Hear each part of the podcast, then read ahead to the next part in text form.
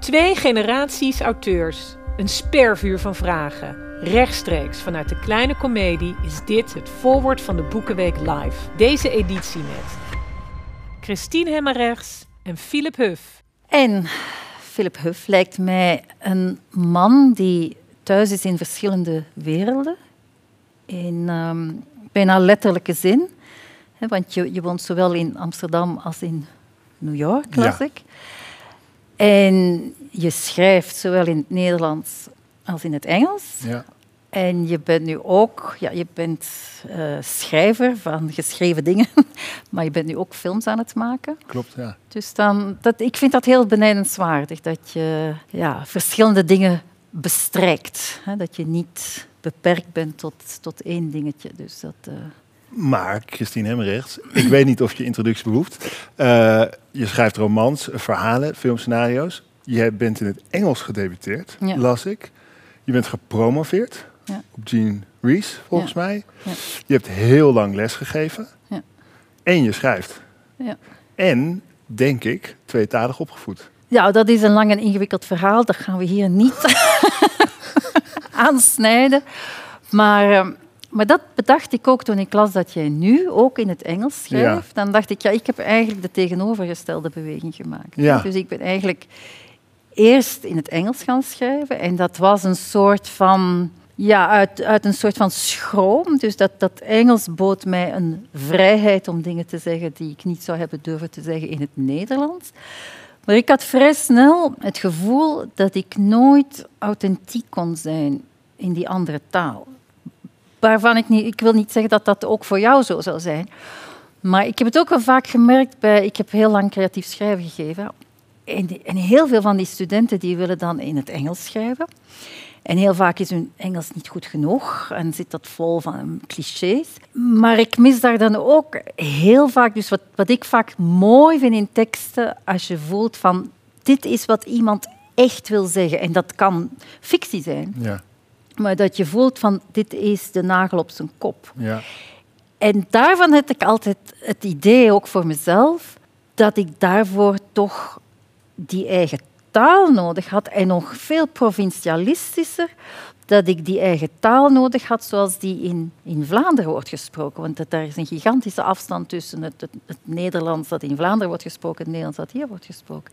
En dan zag ik dat je eigenlijk de tegenovergestelde beweging had gedaan. Dus, Filip, vertel Ja. mij er alles over. Nou, ik, ik, ik onderschrijf heel veel van wat je zegt. Eh, Ik denk, ik, ik heb in eh, Duitsland en Spanje en in de Verenigde Staten nu gewoond. En het is onherroepelijk zo dat eh, de taal waarmee je je uitdrukt, zeker als je wil schrijven, moet zo trefzeker mogelijk zijn. Ja, ja. En het ingewikkelde van taal is al dat het een vrij algemeen medium is. Dus we gebruiken het allemaal om elkaar te begrijpen.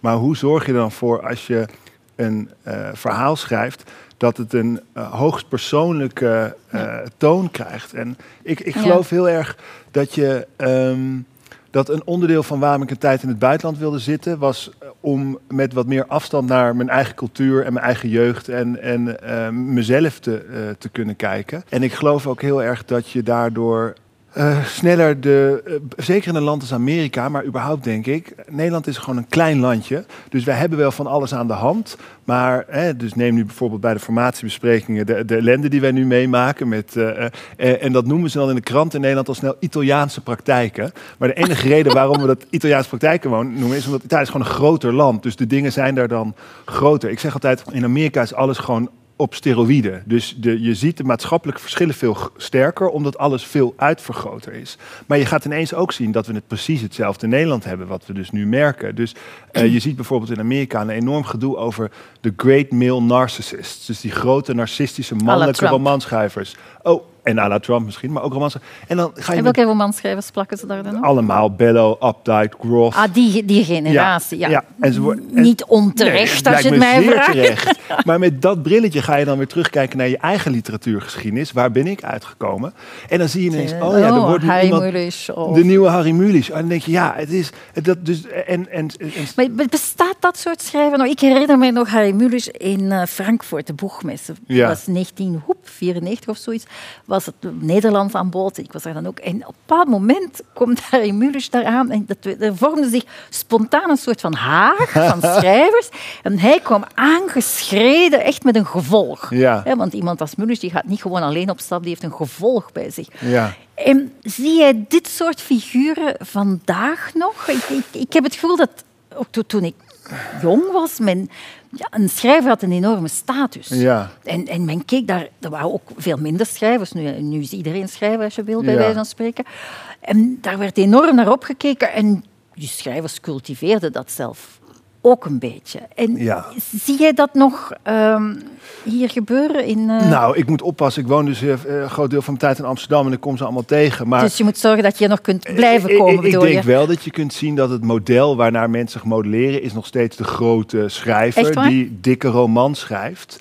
En ook nu weer, dus de, de, de grote oude drie zijn overleden. Het zijn nu weer allemaal mannen die constant op het schild Zijnde? worden gehezen en zulke dikke boeken schrijven. En noem ze eens de... Eh, nou, iedereen heeft een boekenkast waar ze allemaal in staan, die dikke boeken. Ja, Je durft ze niet te noemen. Nee, ik vind dat helemaal niet- maar, het gaat mij veel meer dat je dat niet doet. Nee, maar het gaat mij veel meer om het, het, gaat mij veel meer om het instituut. Het zijn niet alleen die mannen, het zijn ook uitgeverijen. Het zijn prijzen die er altijd naartoe gaan. Het is, het, hè, dus ik heb al vaker in de krant geschreven. Er zit nu eindelijk een kentering in. Maar ik geloof dat ik al tien jaar geleden schreef. Het zijn altijd witte mannen als juryvoorzitters. Die andere witte hè, mannen. eh, Dat die klopt niet helemaal. Je hebt vaak vrouwen die ook vinden dat die prijzen naar de witte mannen moeten gaan. Maar goed, maar geef nou eens een tip, jij man zijnde. hè. Ja. Wat, wat doen vrouwen dan ergens, zouden ze anders kunnen doen om, om dat te doorbreken? Oh, maar de- nee, Christine, dat is niet aan mij. Mannen zouden wat anders kunnen doen. Dus we zouden kunnen ophouden met, dat, eh, met, het, bijvoorbeeld met het idee, wat in Nederland zo sterk is, dat de grote roman een zwaarlijvige en dikke roman is. Hè? Dus dat het dan zo 800 bladzijden en dat je er 10 jaar aan gewerkt moet hebben. Die, die onzin. Dat idee moet weg. Dat, dat moet weg. En we kunnen denk ik als mannen afstappen van het idee dat eh, de grote literatuur... Een van de meer schaamtevolle momenten in mijn leven is toch dat ik met twee andere jongens... en ik noem ons nog even jonge mannen en dus denk ik vrij onbezonnen... ons leende voor een item de nieuwe kroonprinsen van de literatuur. Dus dat gegenderd maken van wat ertoe doet, weet je wel. Dus Dat- jij, jij zag jezelf ook al schrijden op de Frankfurter boegmessen. En... Nou, ik, ik, denk altijd, ik heb liever geen gevolg. Maar, maar eh, eh, nee, ik denk, kijk, de, toen ik bij de bezige bij kwam, toen, toen leefde bijvoorbeeld Mulisch nog. En eh, je voelde wel dat het, het, eh, hè, dus het moeilijke van zo'n model is, als jonge auteur, wat kun je dan doen? Eh, als, hè, streef je het na, wil je het ook? Of zet je er tegen af? Maar als je er tegen afzet, bevestig je het ook. Dus ik heb altijd maar gewoon gedacht, ik schrijf de boeken zoals ik ze wil schrijven. En ik hoop dan dat ze een publiek vinden dat geïnteresseerd is in dat soort boeken. En dan ga ik verder proberen de schrijver te zijn die ik ben.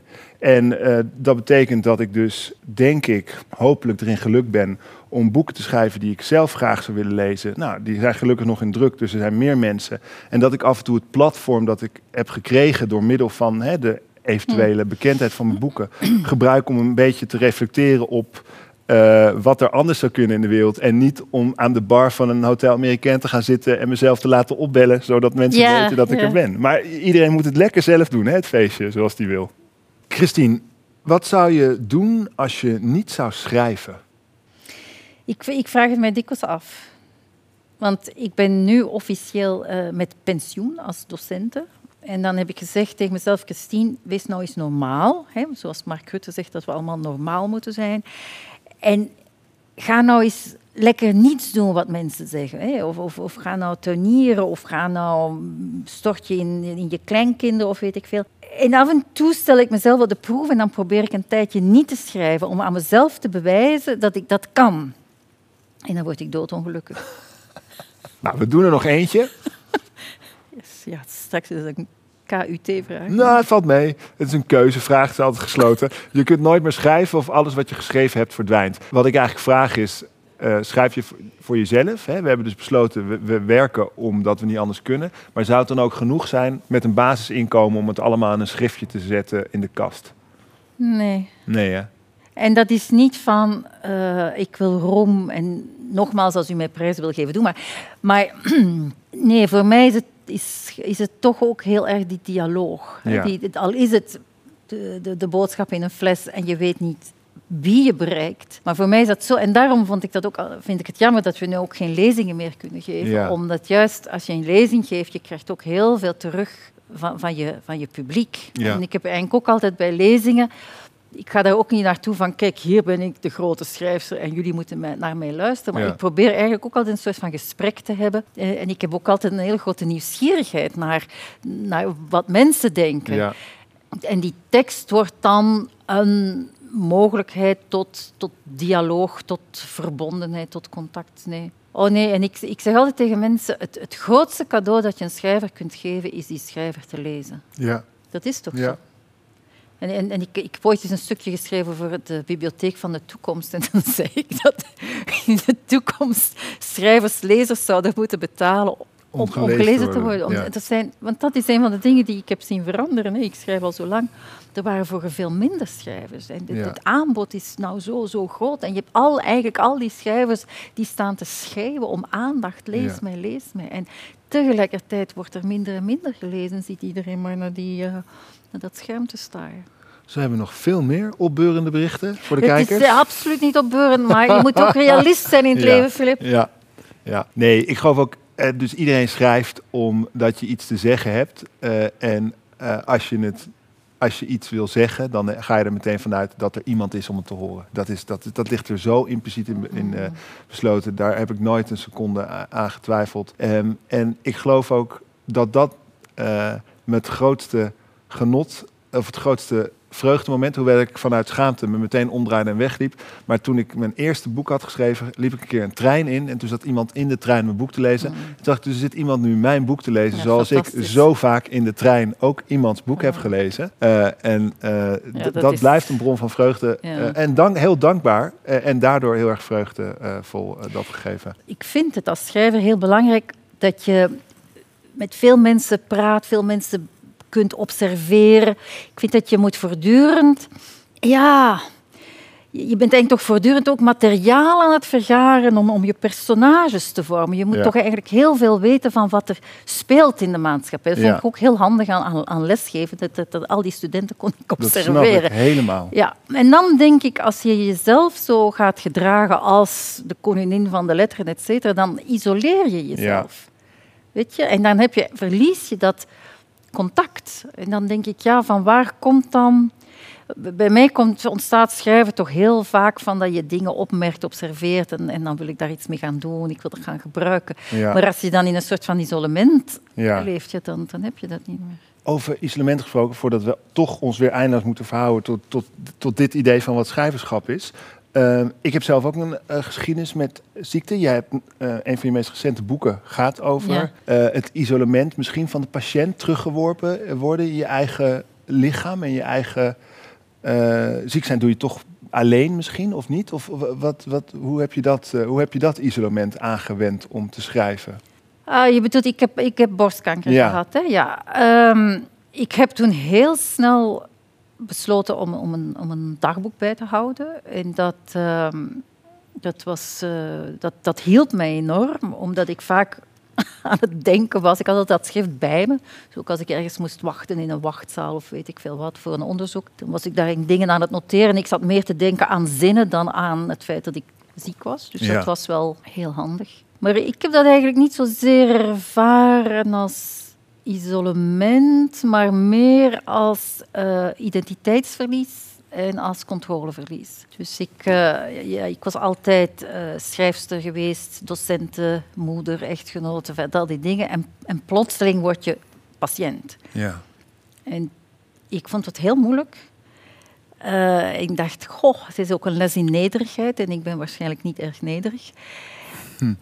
En ook dat eh, enorm controleverlies. Dat, eh, dan besefte ik toch van, goh, ik ben iemand die graag toch ja, dingen op een rijtje heb en mijn leven organiseren. Nu ga ik dit doen en dat. En dan, ehm, ja, met, met, met- kanker heb je altijd dan de vraag, ja, wa- waar, waar zitten die celletjes? hè? Ja. Maar goed, dat heb ik nu echt wel achter mij gelaten. Al weet ik dat dat nog altijd opnieuw kan. Ik weet dat wel, ik ben realistisch genoeg.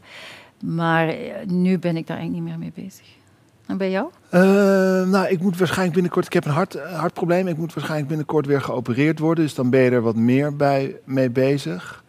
Ik heb wel altijd geprobeerd om. ehm, ik heb drie romans geschreven. Geen van die romans gaat over iemand met een hartprobleem. Om, om eh, eh, het is fictie wat ik schrijf. Ik probeer wat te zeggen over het niet noodzakelijk soort alleen maar mijn eigen vertrekpunt of mijn lichamelijke conditie. Maar ik heb wel geprobeerd altijd de ervaringen die je wellicht hebt eh, hè, als je op vrij jonge leeftijd op de afdeling cardiologie zit. Ik denk iets eerder dan veel mensen al merkt, oh, dit is ook een afslag die je leven kan maken. Dat dingen je overkomen waar je niets voor aan kunt doen. Ja, dat en controleverlies. Ja. En die heel bepalend zijn voor je leven. Dat heb ik dan wel weer geprobeerd in mijn boeken te verwerken, omdat ik dat wel een. Uh, nou, waar we het eerder over hadden. Als je taal gebruikt om iets over de wereld te zeggen en iets opbouwt, dan denk ik dat. Uh, bepaalde ervaringen, controleverlies, uh, je nederig kunnen stemmen en dat je die dan weer een verhaal kunt geven waar mensen dat eventueel in kunnen teruglezen en misschien uh, iets van begrip of inzicht krijgen in uh, de alomheersende opvatting dat we het allemaal zelf helemaal in de hand hebben. Nou, wat ik daar heel erg van aan vind, hè, dat ik, ik herinner me heel goed dat in die periode bijvoorbeeld was ik heel onzeker. En ik vond iedereen heel hard. Ik vond dat iedereen heel hard sprak en heel hard bewoog en heel hard dit en dat en dat. En ik had zin om aan iedereen te zeggen, kunt u een beetje zachter zijn? Weet je, weet je kunt u een beetje mededogen hebben? kunt u mij een beetje ontzien? Ja. En wat ik heel erg vind, is dat dat is nu ook weer weg. En, en ik vind dat vaak een tragiek van de mensheid, dat je eigenlijk maar echt kunt begrijpen wat iets betekent als je zelf in die situatie zit. Ja dat is misschien wat jij bedoelt met het isolement. Dat er uiteindelijk een, een vriend die zei tegen mij: Life is a solitary business. Ja. I think it's totally true. Ja. Want als, als jij, jij, en dan kan ik wel zeggen: Goh, Filip, ik hoop dat het goed gaat. En sterkte, man, en ik duim voor jou, et cetera. Maar uiteindelijk is het jouw hart. Ja. En ik had dat ook met die kanker. Mijn, mijn man die kon dan wel, et cetera, mijn kinderen. Maar het was mijn lichaam waarin die kanker zat. En dat, dat is inderdaad een soort van. Maar je gelooft hopelijk toch wel in de onderneming dat als iemand er gebeurde dit, er gebeurde dat leest, dat hij dan in zeker opzicht zijn leven kan aansluiten op het circuit van jouw leven en iets van die ervaring door jou kan meemaken? Maar dat vind ik een van de mooie dingen aan, aan schrijven, dat je dan dat je inderdaad, it, it's a voice speaking to another voice. It is een, dat, dat je inderdaad merkt, voor mij is dat, je, je, je neemt een fles, je stopt er een boodschap in, ja. je gooit in de rivier ja. en je weet niet bij wie het terechtkomt. En dan krijg je plotseling een mailtje van iemand of een sms'je. En, er was een dichter die ooit tegen mij zei, poëzie is flessenpost, Philip. Poëzie is flessenpost. Ja, maar dat is ook zo. Ja, ja, ik... Wat ik wel heb ondervonden is dat de autobiografische dingen toch wel het sterkst mensen aanspreken. Ja. Dus, dus ik heb ooit een, een, een dagboek uh, gepubliceerd, twee keer eigenlijk. En daarvan hebben mensen mij gezegd van kijk, um, eentje was over zelfmoordgedachten, de dood heeft mij een aanzoek gedaan. En verschillende mensen hebben mij gezegd van kijk, dat boek heeft mij meer geholpen ja. dan tien jaar therapie. Ja. En dan, dan denk ik, oké, ja. dit is allemaal de moeite waard geweest. Ja. Weet je? Maar dat klinkt bijna alsof ik als moeder Teresa literatuur betreft, dat is het ook niet. Maar ik vind dat wel een, een heel belangrijke functie van literatuur, dat je aan mensen zegt, je bent niet alleen. Je kan je alleen voelen, maar wat jij meemaakt, dat hebben ook andere mensen meegemaakt. Ja. Nou ja, en dat brengt ons dus wel weer terug bij het punt dat ik denk dat als er dus één soort idee is van literatuur en dat een bepaald soort man dat schrijft, dan worden ze het stem, hè, de boodschap van je bent niet alleen, is alleen dan voor die mensen. Uh, hè, van uh, je bent niet alleen als je een vrije narcistische man bent die gezien wil worden. Uh, dus ik denk dat, daarom wil ik ook geen namen noemen in de zin van het gaat mij meer om het om de structuur in de uitgeefwereld dat je dus meer stemmen ontsluit in dat koor, zodat we meer ervaringen meekrijgen als lezer en dat je iets meer weefsel kan leggen met tussen elkaar. En, en wat, wat er ook is, hè, dat jij als jij bepaalde ervaringen hebt, ja, dat je het gevoel hebt van ik, ik mag die hebben en ik mag die ook verwoorden, ik mag die uiten. Want anders krijg je het idee van ja, literatuur dat moet altijd gaan over dit, dat en dat. Ja. Ja, en ik, want ik weet zelfs toen ik begon, had ik heel erg het gevoel van ik had nooit het idee van wat ik doe, dat is literatuur. Ja. Want literatuur, dat waren die grote namen, die belangrijke mensen. En ik zag die vaak in het buitenland helemaal niks doen. Hè? Dus het is ook een heel Hollandse opvatting van wat literatuur is. Ja, ja, maar ik had zo echt het gevoel van in, in de marge te schrijven. Weet je, klein, ik ben ook in een heel klein boekje beginnen te schrijven. Weet je. Ik heb nooit, en ik heb dat nog altijd niet. Als mensen mij zouden zeggen, ja, jij schrijft literatuur, ik denk, ik zeg ik schrijf. Of dat nou, eigenlijk interesseert mij dat niet. Of dat nou literatuur is of geen literatuur. Wat niet wil zeggen, als iemand mij een prijs wil geven, doe maar, laat maar komen. Ja, of een planetoïde naar je vernoemen. Mag allemaal. Mag allemaal. Ehm, nee, dus uh, uh, er is denk ik... Uh, nou, ik heb een gedicht van een Vlaamse dichter in mijn huis hangen. En daar zit een regeltje in, dat is... Er is te weinig weinig. Dus mm. dat je in, in gedichten andere uh, visies vindt op de wereld in plaats van, of waar eigenlijk dus staat, dat sluit dan aan bij mijn idee, er is inderdaad veel te veel veel, weet je wel. Dus een genootschap, uh, Rebecca Solnit, Amerikaanse schrijfster, die zegt altijd find your kin. Dus hè, vind mm. de mensen met wie je een overeenstemming hebt en, en probeer daar uh, je, je, je plek te vinden. Um, en ik, praat nu ook heel erg als lezer. Ik geloof heel erg dat. Uh, ik, ik, schrijf zelf ook boeken, maar het is niet de slager die zijn eigen vlees keurt. In de zin van: ik ben al veel langer lezer dan dat ik schrijver ben. En ik, ik weet gewoon heel erg wat de waarde kan zijn van. Um, mensen die hard en helder en eerlijk, en dat kan dus ook heel liefdevol en troostrijk zijn, uh, zeggen hoe het voor hen is om uh, te bestaan. En dat je daarin jezelf in, in terugziet. Uh, als lezer, daar heb ik. Uh, ik heb daar zelf gewoon. Uh, nou ja, heel, dat klinkt heel klef, maar echt veel aan gehad. En zeg eens waarom dan film nu? Nou, ik heb een paar van Dagen van Gras en Niemand in de Stad, twee van mijn boeken zijn speelfilms gemaakt. En dat vond ik zo leuk om daar als scenario schrijver onderdeel van te zijn, omdat schrijven is een vrij solitaire aangelegenheid. Mm. En filmmaken is eigenlijk met een groep mensen een zomerkamp. Uh, uh, dus met z'n allen voorbereiden, praten. Dan komen de draaitagen, alles opbouwen, hard werken en weer afbouwen. En ik merkte dat ik, ik doe dit nu inmiddels twaalf jaar, boeken schrijven, uh, sinds ik geen student meer ben. En ik merkte dat ik dat eigenlijk gewoon miste. Met mensen aan iets werken samen. Een project. Een project. Mhm. Maar als scenario schrijver zit je maar de... Je zit niet de hele tijd in het bootje. Op een gegeven moment moet je eraf. Je bent niet elke dag op de set. Dus toen dacht ik, ik zou eigenlijk best wel graag op de, ook op de filmset willen staan. En um, toen heb ik uh, dat besproken met Michiel van Erp, de, regisseur van Iemand in de Stad. En die was heel enthousiast en ondersteunend. En die zei, nou dan gaan we toch een korte film maken. En die heb ik toen uh, geschreven. En uh, vorig jaar was het een ingewikkeld jaar, ik denk voor iedereen met de pandemie. Maar alles rondom die film, het is maar een korte film. Maar de voorbereiding, de besprekingen, de draaidagen, de editing waren de leukste dagen van het jaar om met een groep mensen iets te maken. Uh, en uiteindelijk sluit het nog steeds heel erg aan bij. Er is ook een Franse schrijver, Philippe Claudel, die het allebei heeft gedaan. Je vertelt een verhaal. Je wil iets zeggen over de wereld. Je wil iets mededelen waarvan je vindt dat het wellicht ondergesneeuwd raakt. En, en je dat hebt kan... het scenario gemaakt en, ja, en, de, regie. Ja. Ja, en dat was met Jeroen Krabbe en Olga Zuidhoek in de, in de hoofdrollen. Dus uh, dat was wel even de eerste dag. Uh, stond ik daar. Ik heb natuurlijk, ik heb filosofie geschiedenis gestudeerd. Ja. Maar uh, het was, het, ik, heb, ik heb het hartstikke naar mijn zin gehad en ik geloof zij ook. En, en, je hebt het gewoon intuïtief gedaan. Je bent niet gaan. Nou, ik heb twee keer stage gelopen op filmsets bij anderen. En ik heb natuurlijk veel boeken gelezen. Want daar hebben we het natuurlijk nog helemaal niet over gehad. Maar zo ben ik bedraad. Als ik ergens iets van wil weten of het wil begrijpen, dan ga ik lezen.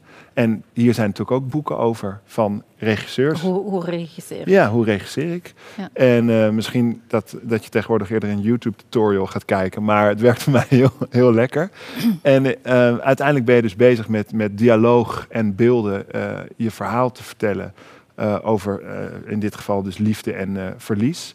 En zeker dus denk ik in een in een wereld hè, waarin inmiddels in Nederland dan uh, we straks waarschijnlijk 14 jaar de, de glimlach van Mark Rutte hebben, die alle ongenoegen en pijn uh, zeg maar met een soort spatel overstrijkt. Denk dat het belangrijk is dat iemand er af en toe eens even een flinke. Zo'n happy man, hè? Die oh, mm. word je depressief. Daar word ik nou depressief van. Ja, de, de, de, de, glimlach van de Boeddha doet me deugd, maar de glimlach van Mark Rutte, daar kan ik echt eens een feilloze diepte. En maar dat geheel uh, uh, terzijde. terzijde. Ja, terzijde. Maar jij hebt ook veel. Nou, de trein gaat rijden. Oké.